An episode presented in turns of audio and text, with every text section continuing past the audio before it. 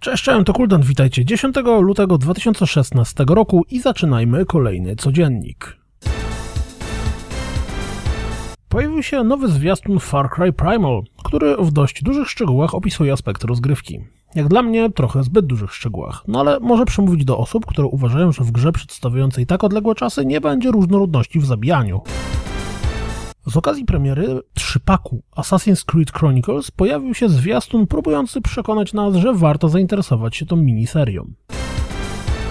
Dostaliśmy również nowy zwiastun Tom Clancy's The Division, przedstawiający nam z jakimi frakcjami zmierzymy się w grze. Jeśli brakuje Wam taktycznego RPG w japońskim stylu, to pojawił się pierwszy zwiastun Grand Kingdom, który może wzbudzić Wasze zainteresowanie. Poznaliśmy datę premiery zmierzającej na Xbox One, PlayStation 4 i PC przygodówki Sherlock Holmes The Devil's Daughter. W grę zagramy 27 maja 2016 roku. Po dwóch latach Plague Incorporated Evolved wyjdzie z Early Accessu i 18 lutego odbędzie się premiera pełnej wersji gry. Potwierdziły się plotki wskazujące na otwartą betę Tom Clancy's The Division. Gracze na Xboxie One będą mogli zacząć grać 18 lutego, pozostali zagrają dzień później. Beta potrwa do 21 lutego.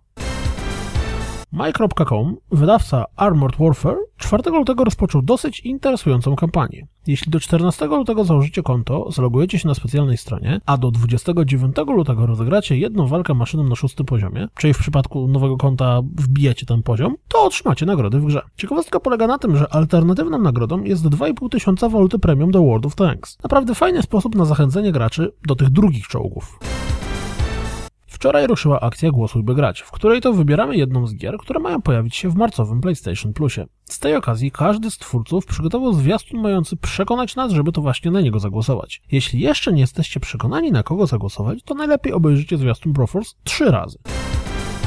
Po 13 latach serwis Game Trailers zostaje zamknięty. Jeśli nigdy wcześniej nie mieliście okazji zagrać w Final Fantasy IX, a bardzo, bardzo, bardzo chcieliście, to gra właśnie zadebiutowała na App Store i Google Play. Cena za ten klasyk to jedyne 17 dolarów.